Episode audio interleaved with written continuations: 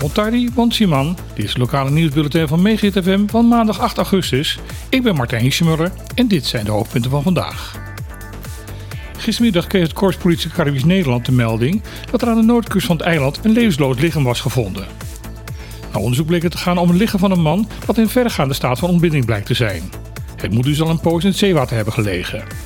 Het openbaar lichaam heeft het lichaam in beslag genomen om onderzoek te doen. Volgens politie is het opvallend dat op het eiland momenteel niemand als vermist is opgegeven. De identiteit van de man is dan ook nog niet bekend. KPCN roept daarom de bevolking op om een eventuele vermissing alsnog te melden. De Tweede Kamerfracties van de VVD, D66, PvdA, GroenLinks, SP en de Partij van de Dieren hebben een initiatiefwetsvoorstel ingediend om de zogenaamde homogenezingen te verbieden. Bij dit soort genezingen wordt ervan uitgegaan dat homoseksualiteit en de mens tot genderveranderingen eh, geen aangeboren geaardheid is, maar gedrag dat verandert of onderdrukt kan worden. De initiatiefnemers van de wet willen dit soort handelen zowel in Europees als Caribisch Nederland strafbaar stellen. Na consultatie heeft het bestuurscollege van Bonaire gesteld dat de meningen hierover binnen de gemeenschap op het eiland verdeeld zijn. Kerkleiders verwerpen het voorstel omdat ze het een aantasting op de godsdienstvrijheid vinden. Maar bijvoorbeeld de Fundación EQ, die op Bonaire strijdt voor de gelijke rechten van de LHBT-gemeenschap, jaagt het voorstel juist toe.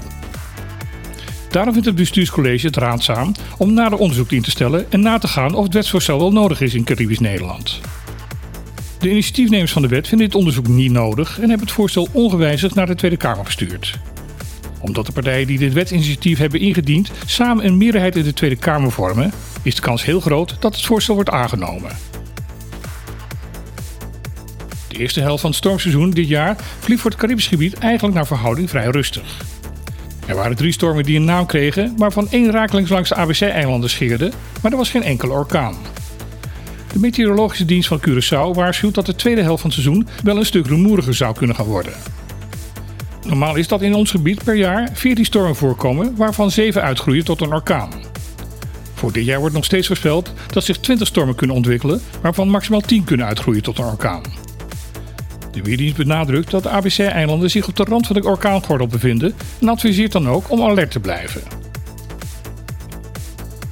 Momenteel geldt voor de Visitor Anti-Tax, de belasting die bezoekers moeten betalen om toegang te krijgen tot het eiland, dat er bij vooraf betalen alleen gebruik gemaakt kan worden van een creditcard. Dat is een betaalmiddel dat in Amerika door zeer veel mensen gebruikt wordt, maar in Europees Nederland is het veel minder populair.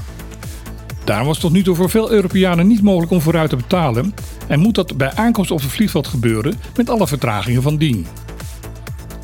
Het Openbaar Lichaam Bonaire heeft nu beloofd dat het in september mogelijk gaat worden om op veel meer manieren online te kunnen betalen, waaronder het in Nederland zeer populaire iDeal en PayPal. Daardoor hoopt men de wachtrij bij aankomst te kunnen beperken. Bij aankomst op vliegveld direct contant betalen is niet mogelijk en gaat dat ook niet worden. Dat om eventuele kans op fraude zoveel mogelijk te beperken. Op vliegveld hier kan men met een normale pinpas betalen.